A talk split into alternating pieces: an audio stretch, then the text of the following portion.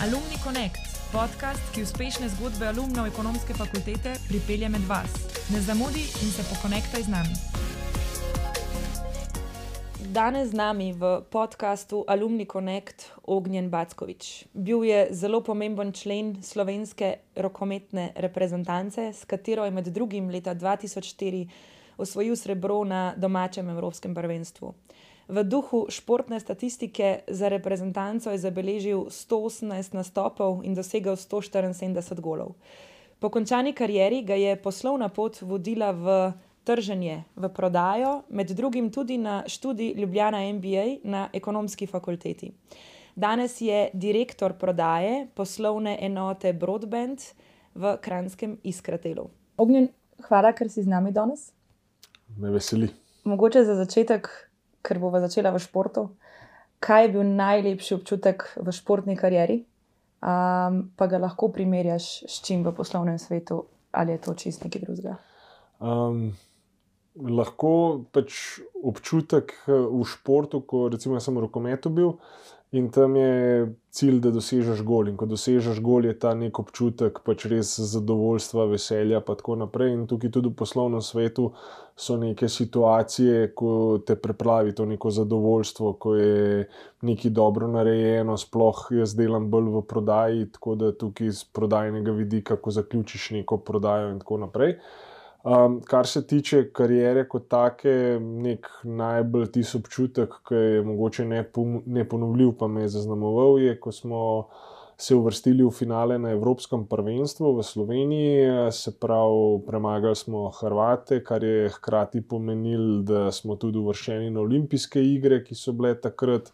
Tisto leto v Atenah, bili smo praktično že dobitniki medalje na domačem igrišču, premagati Hrvate je vedno poseben občutek in je pač nek občutek euforije, delirija, ki moram priznati, da ga pa v poslovnem svetu v tej obliki, v takšni uh, količini emocij, uh, pa v taki intenziviteti še nisem uh, doživel, pa nisem prepričan, da ga bom v poslovnem svetu. Točno to sem te hodila vprašati, če si iskren, ja, misliš, da boš lahko toliko čustev še doživel v, v poslovnem svetu, ampak si mi odgovoril, da verjete. Mislim, ni, da je težko. Ni ponovljivo. Ja, vseeno je tukaj tudi pač šlo za reprezentanco, kjer je tudi vseeno ta nek podton, da predstavljaš svojo državo in tudi igraš v drevesu z nacionalnim grbom, in je to še nek dodaten um, pač ti drive, nek doda, neka dodatna dimenzija, ki vse skupaj dvigne na višji nivo. Če bi se malo pohecil, ne vem, da bi bil občutek delirija, če bi vem, prodal kaj za 100 milijonov ali pa ne vem kaj v tem poslovnem svetu. Ampak ta, ta, ta, ta dimenzija, da v bistvu predstavljaš, da za tabo je pač ne vem, država in da si nekaj uspel na tem nivoju, mednacionalnem, je pač. Po mojem, v poslovnem svetu težko uh, izvedljivo. Zakaj misliš, da so tako večja čustva v, v tistem svetu, pa si umenil grb, državo, komu pripadaš, um, kot pa v, v, v biznisu? Mogoče za država, podjetje. Res je, je pa bolj intenzivno, krajše. Ne? Ti mm. tekma traja, recimo, rokomet 60 minut in ti v 60 minutah pač. Kar narediš, narediš, ko se izteče 60 minut, nimaš časa za popravek v poslovnem svetu, vseeno to traja dalj časa, sploh če gre za neke večje zadeve, večje projekte. In tudi vmes že nekako vidiš, kako se bo stvar izcimala, se bo uspešno izpeljala, in tako naprej. Tako da, sigurno je pač neko zadovoljstvo, in tako naprej, ampak ni pa mogoče tako intenzivno, kot je v športu, kjer gre za nek krajše časovno obdobje, pa vseeno tudi uh, vzdušje, publika, vse to naredi svoje. Ne. Umenil si publiko, kaj pa so igravci versus sodelavci. To pa mislim, da je lahko podobno. En, enako ja. močen bond.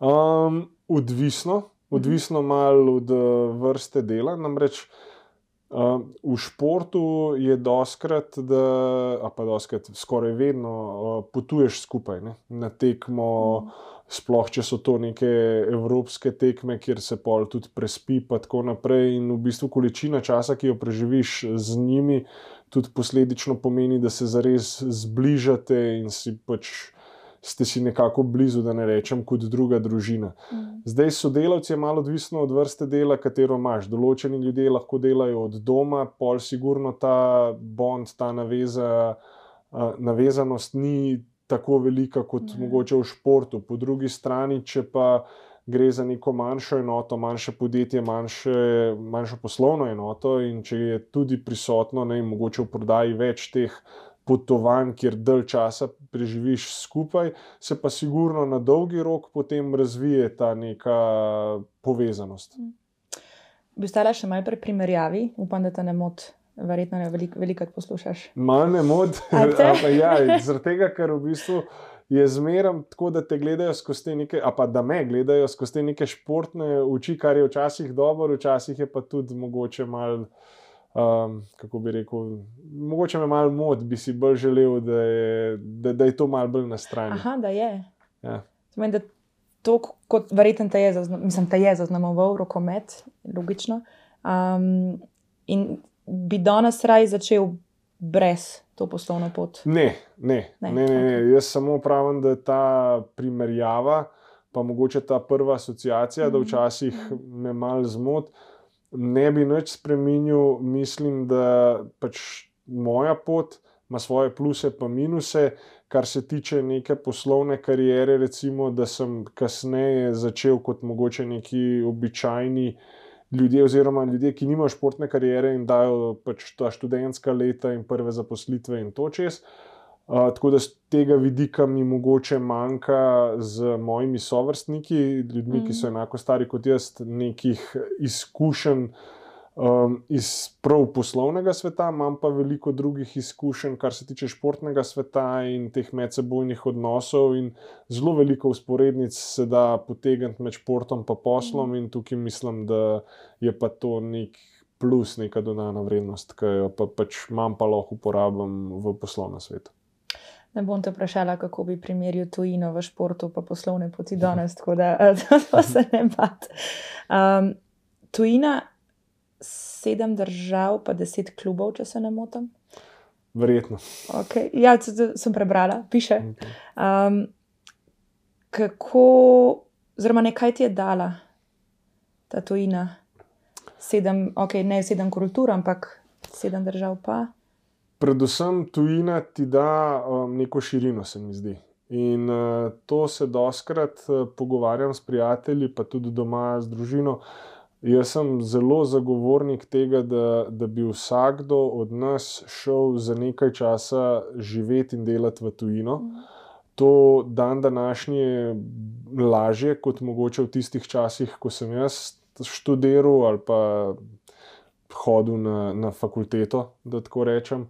Takrat je sicer že bilo ta Erasmus izmenjava, ampak uh, sem ravno rekel, da če ne bi imel te športne kariere, pa te možnosti, bi sigurno iskal to neko priložnost, da vidim, kakšno je življenje in pa delo v tujini. Meni je to dal um, neko dodano vrednost v tem kontekstu, da spoznaš um, ljudi, da um, si soočen z nekimi situacijami, kjer ne znaš jezika in se moraš nekako znajti, se pravi, uh, nadgradiš te svoje neke um, social skills, mm. kot bi se temu reklo.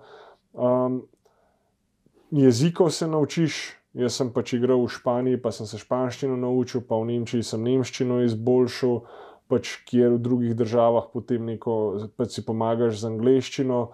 In uh, vse te stvari, pa spoznavanje drugih ljudi, kultur, navad, ti da neko širino, in potem v bistvu se mi zdi, da se nikoli več ne vrneš na to omejenost, ki jo imaš, dokler se ne premakneš iz neke, nekega domačega, lokalnega okolja.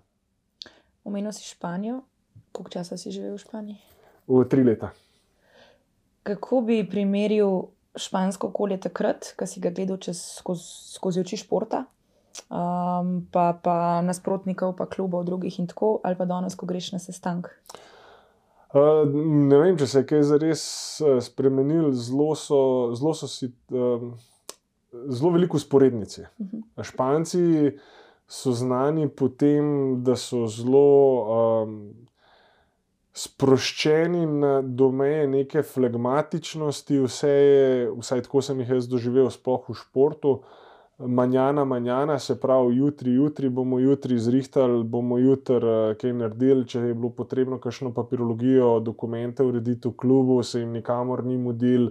Nasplošno za katere koli zadeve so zelo taki ležerni, zelo značilno za njih je neka leže, uh, sproščenost, ležernost in tako naprej.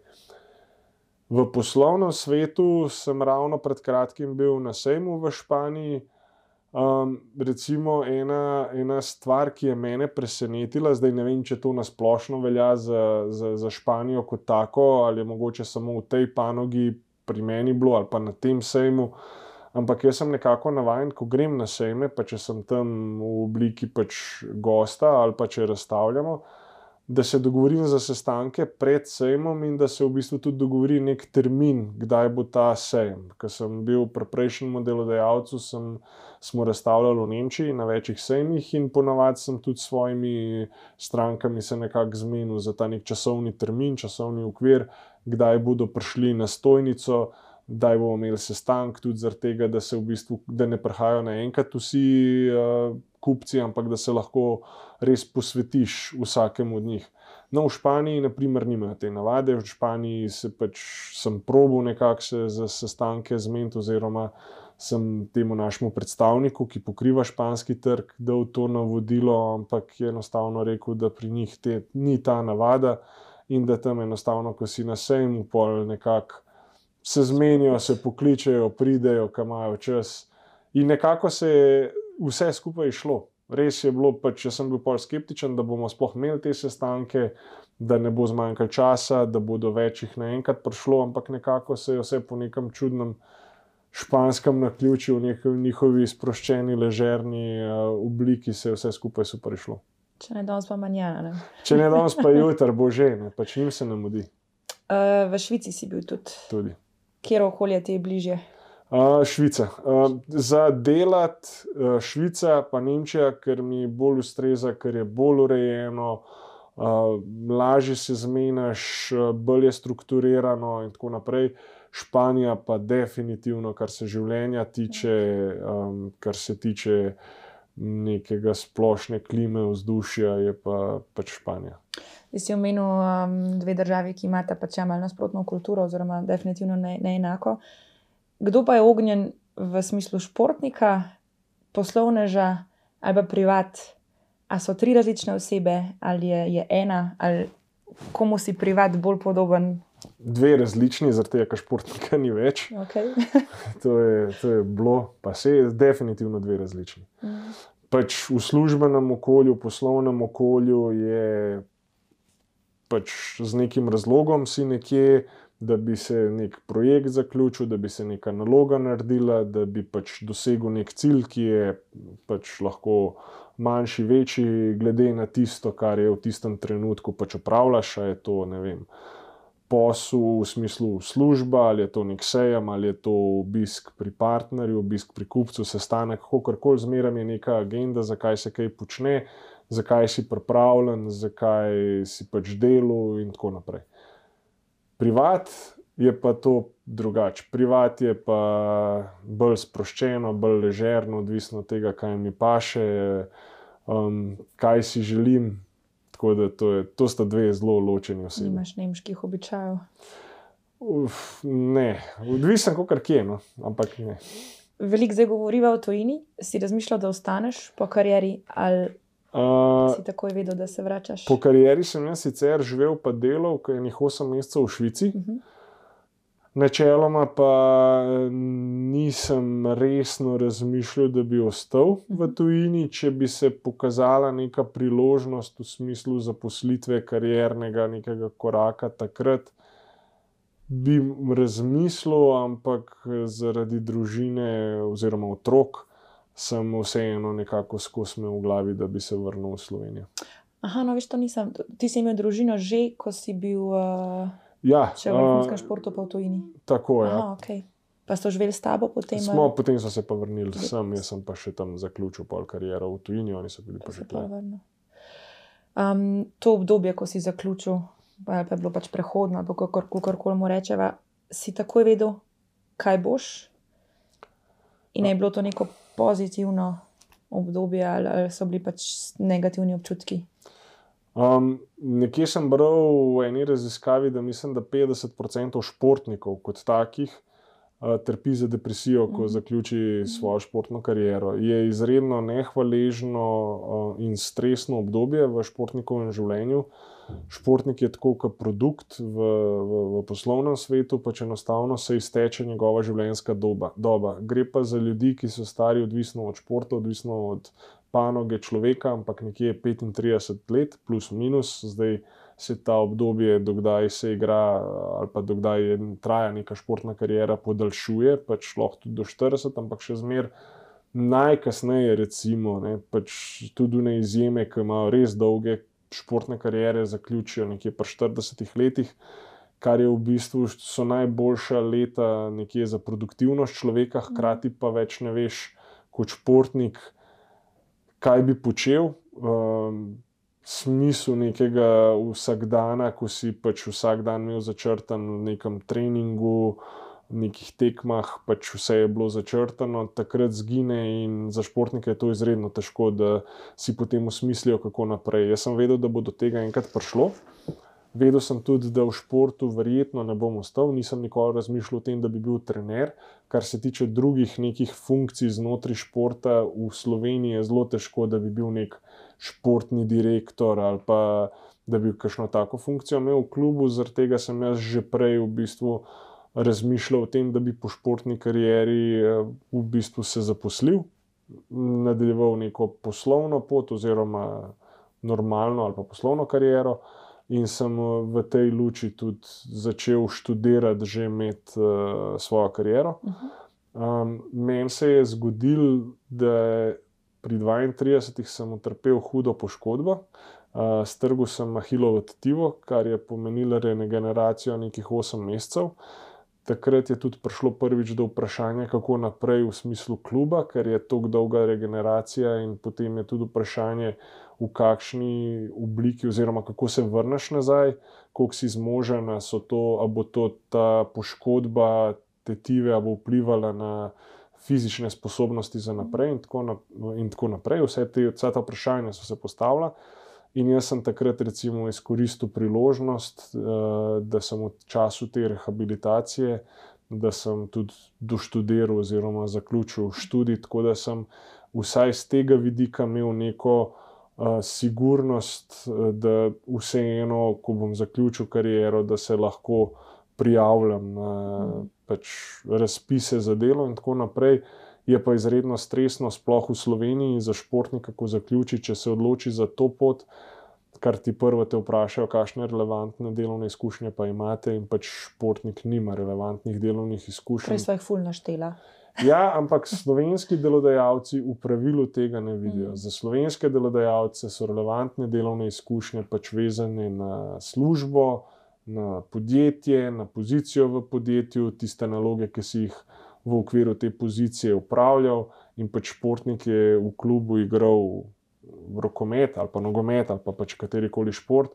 In večina, čast izjemam, ampak večina slovenskih delodajalcev to ne gleda skozi prizmo nekih izkušenj mm. ali pa delovnosti ali pa pridnosti strukturiranja, kako koli, kar so te neke prednosti športnikov, ampak gleda izključno skozi prizmo um, pač kandidata, ki nima delovnih izkušenj in je z tega vidika za športnike dost težko v tem obdobju pridobiti tisto prvo zaposlitev, od katere je pa potem vseeno vse lažje. Kako si pa prišel v marketing? Uh, jaz sem se odločil za marketing, ker sem razmišljal o tem, kaj bi študiral. Študiral sem nadaljavo takrat, ker kot rečeno, je to bilo še v času moje eh, poklicne kariere, ko sem še rokomet igral, se pravi, nisem mogel hoditi eh, na predavanja, niti na izpite, da bi delal uh, fizično tu v Sloveniji, bil sem v tujini. In takrat ni bilo tako velike ponudbe še v tem kontekstu izobraževanja nadaljavo. Uh -huh. Um, bil je nek ekonomski program, se pravi, da bi bil ekonomist, pa bil je marketing, in enostavno marketing mi je zgledal bolj zanimivo kot sam ekonomist oziroma program. Pa... Ekonomija kot taka. ja. Ekonomija kot taka, marketing je vseeno, ko sem si prebral uh, predmetnik in kaj vse v bistvu pokriva, se mi je enostavno zdelo bolj zanimivo. Ampak šel si pa pol v prodajo, če se ne motim, v Švico. Tako je, ja, tako. Šel sem v prodajo, so mi pa izkušnje iz marketinga in mi še dan današnji mislim, da izredno koristijo. Zmotno je prepričanje, da je marketing samo neke reklame in brošure in tako naprej. Je stvar veliko bolj kompleksna in mislim, da v prodaji ti lahko zelo koristi. Koliko časa si bil v Švici? Pol? V Švici sem, eh, kot rečeno, mislim, da nekih 8 mesecev. Aha, sem. pa si šel, ampak še vedno delal za isto firmo. Potem ne? sem pa za njih delal uh, tu v Sloveniji in pokrival Jadransko regijo. To si bil pa, če se ne motim, one man band tukaj za regijo. Res je, imel sem cel podpor tam v Aha. Švici, ampak tukaj sem pa sam pokrival uh, to regijo.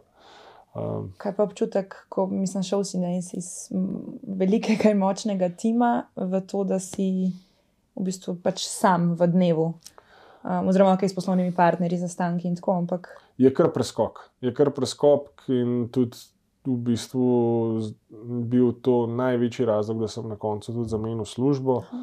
ker sem se zelo dobro počutil v tem podjetju, za katerega sem delal za švicarsko podjetje, v tem švicarskem podjetju. Ampak enostavno um, po tolikih letih je. Sem pogrešal malo timski duh, timsko delo, brainstorming in to neki um, energijo, ki jo ima ekipa, tim kot tak. Um, to, da delaš sam, ima svoje prednosti, ampak tudi slabosti, in enostavno po, po, po letih eh, dela za njih v tej obliki, da sem sam, ni bilo možnosti, da bi še koga kle zaposlil, zaradi tega, ker ni bilo take količine dela, da bi potreboval. Se pravi, vse sem lahko sam pokril z podporo iz Švice. Tako da sem potem enostavno se odločil, da naredim nek korak naprej in zamenjam. in to je zdaj ta zadnja, ne, trenutna Tako je. pozicija, direktor prodaje iz Kratela. V poslovni enoti, ja, široko poslovno mrežo. Aha. Primerjava Švica oziroma švicarsko okolje, vodstvo v Švici s Um, slovenskim oziroma dost nehvaležna. Dost nehvaležna primerjava. Um, je pa tudi dejstvo, da je pač tukaj gre za zelo, zelo um, veliko podjetje v Mhm. primerjavi z švicarskim, in je potem tudi težko primerjati Mhm. uh, te dve stvari. Preden si pa zamenjal, si se odločil pa še za en korak in si nadaljeval študij. Res je. Uh, nadal- Pri, to moramo povedati, da pri nas, ne, na, na, na Ljubljana MBA ekonomske res fakultete. je, res je. Zakaj si se odločil?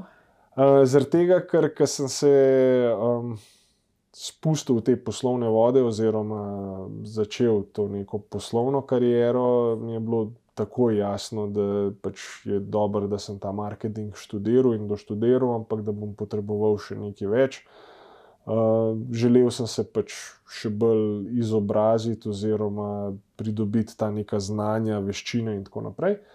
Uh, MBA sem se odlo za MBA sem se odločil, zaradi tega, ker se mi je zdel, da je najbolj celosten program, da res poslovno uh, tematiko pokriva celostno. Predmetnik sem si pogledal in mi je bilo všeč, kaj vse zajema.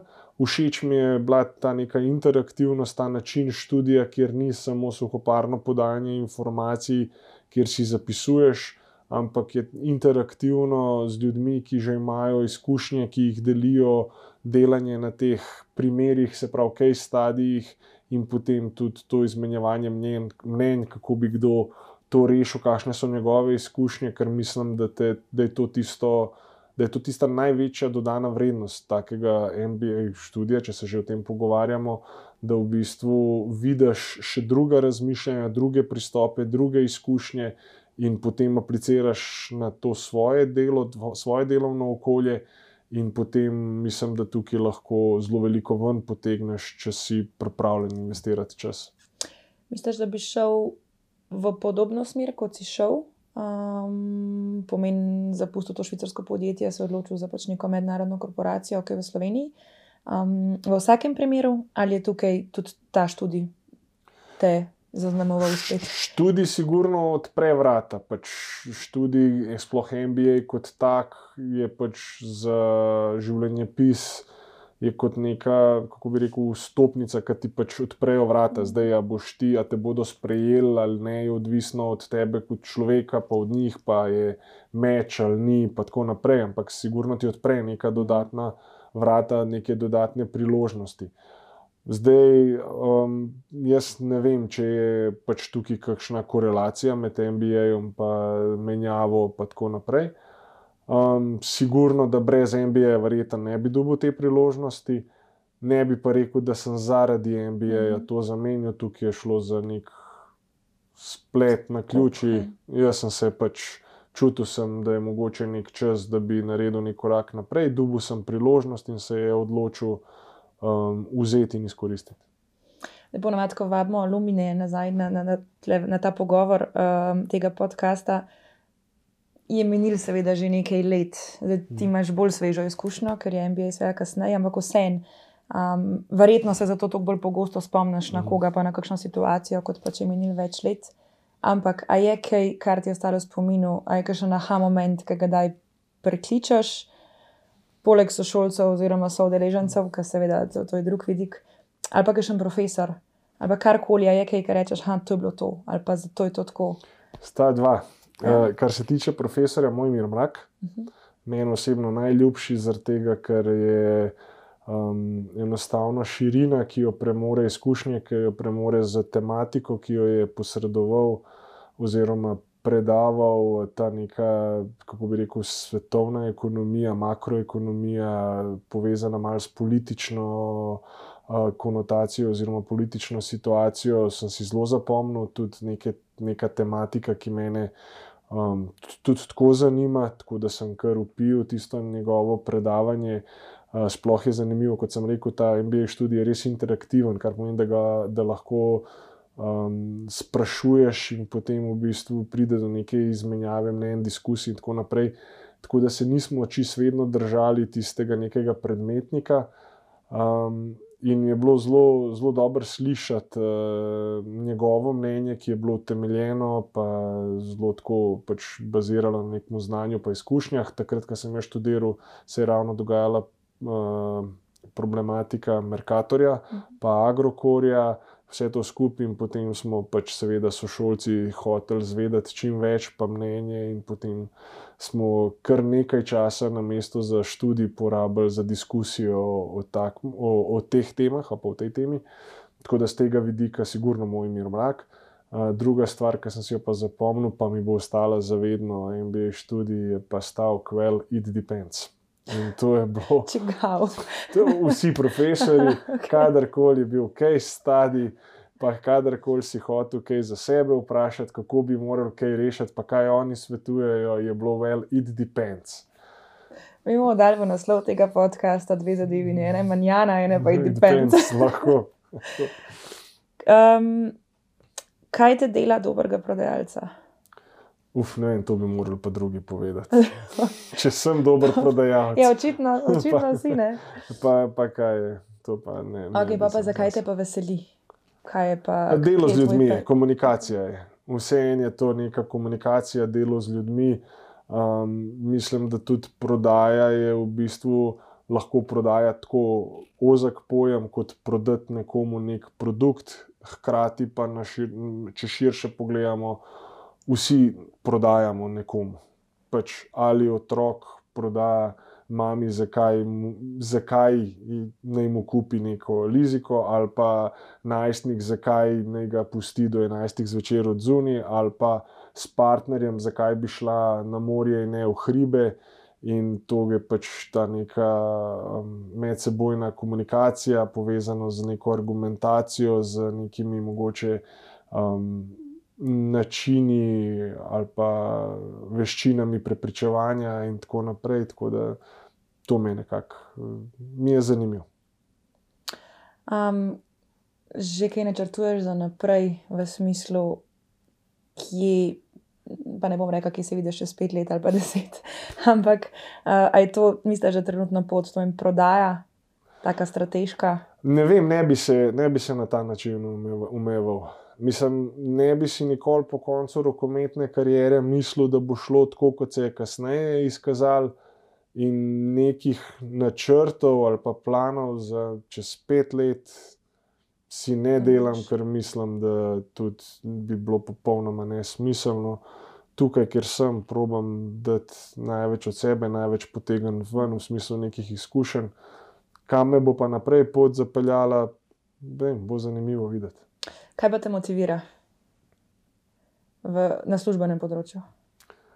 Ja, ne vem, jaz sem pač recimo temu goal-orientated, se pravi, da ciljno usmerjen po slovensko, kar pomeni, da če imam nek cilj, to doseganje teh nekih ciljev, ki si jih zadaneš, zadajaš, in to v tem mogoče, da mi je največje veselje, ko, ko dosežem tisto, kar si zadanem za cilj. Kako pa reagiraš, kadar ne gre vse po planu? Um, jaz Kaj sem po svojem pristopu dosti analitičen, tako da mogoče celo preveč, um, da potem provam nekako analitično se lotiti uh, tega, da vidim, kaj je šlo po zlu, zakaj se kaj ni šlo, ali je mogoče bil cilj na robe postavljen, previsoko postavljen, ali je na poti do tega cilja se kaj ni šlo. Tako da provam si nekako logično razložiti, zakaj se kaj ni išlo po željah. Misliš, da je potem prodaja bolj ja, database, pa temelji na analitiki, ali je to intuicija in si z njo rojen? Oboje. Oboje. Mislim, da za prodajo moraš biti izredno dobro pripravljen, Mm. izredno dobro moraš poznati kupca, izredno dobro moraš poznati svoj produkt, tisto, kar ti prodajaš, tisto, kar so neke um, dodane vrednosti tvojega produkta, tisto, s čimer se ti diferenciraš, zakaj si drugačen od konkurence, zakaj bi nekdo kupil tvoj produkt in ne od konkurence. Hkrati moraš pa imeti to neko intuicijo, neko to človeško, um, kako bi rekel, dimenzijo, da lahko nekoga prepoznaš in vidiš, kater pristop je pri njemu pravi, kateri je tisti uh, pristop, s katerim boš dosegel ta nek maksimalni učinek, cilj in tako naprej. Za zaključek bom šla še malo nazaj v šport. Um, še vedno si povezan, še vedno si upleten, a se vidiš, da boš nadaljeval v prihodnje še pač povezavo, vzdržal stik z rokometom. Um, vidiš še kakšno dodatno funkcijo, ker vmes nismo omenili, tudi na Slovanu si imel nekaj marketinških. Na začetku, ko sem se vrnil, sem, zdaj nisem več tam nič uh, povezan s tem. Um, v bistvu je šlo bolj za neko svetovanje, kot da bi bila neka zares funkcija. Uh, šlo se je bolj za to, da tudi eh, rokometni klub Slovan, ki je moj um, domači Mhm. klub, kjer sem jaz začel svojo športno kariero, je v bistvu bil cilj, da gre nekako v korak s časom, predvsem v tem naslavljanju ciljne publike, se pravi uh, mladine, otrok, uh, šolarjev. In v bistvu ne čakati, da oni pridejo, ker v današnjem času imajo otroci izredno veliko ponudbo aktivnosti, obšolskih dejavnosti in tako naprej. In v bistvu smo hoteli se pričujem, postaviti neko, nek koncept, kako bi z eh, krožki na šolah v bistvu privabili čim večje število otrok, da bi se začeli ukvarjati z rokometom. Podobna potem zgodba lahko tudi bi rekel z, z, z iskratelom, oziroma delate kaj podobnih aktivnosti že med mladimi. To je bolj vprašanje za našo kadrovsko right. službo, ampak v bistvu je situacija zelo podobna. Mm. Na trgu dela to, kar lahko rečem, da tudi jaz zaznavam, ker sem, uh, smo iskali v naši ekipi, da bi pridobili novega sodelavca. Um, zelo, zelo, zelo se moraš boriti, da bi pridobil, da bi pri, um, pripeljal neke kandidate, take kot si jih ti želiš Mm. da bi izpolnjevali te neke tvoje pogoje in kriterije, in zahteva situacija na trgu dela, zahteva, da si kot delodajalec aktiven, da nekako v bistvu nagovarjaš to ciljno Mhm. publiko. Tako da mislim tudi, da v Iskratelu, kar se tega tiče, delajo, delamo zelo dobro na tem področju. Je pa res za zaključek, če bi napisal knjigo, o čem bi jo napisal? Lahko re- najprej rečeš, da je povezana s športom ali povezana s čim drugim. Ker te ne spustim iz tega športa. ne vem, ne vem, z športom ne vem, če bi jo zares pisal. Um, nikoli nisem razmišljal o tem, da bi knjigo pisal. Okay. Um, ne vem, mogoče bi pa v odraščanju na fužinah. Okay. Ta bi bila še najbolj taka. Um, da bi me mogoče zares veselila, pa zdi se mi, da bi znala biti zanimiva. Top. Če smo ti dali idejo, um, nam pošlji en izvod. Mislim, da bo še kar trajalo, če sploh kdaj pride do knjige. Hvala ti za danes. Hvala tebi.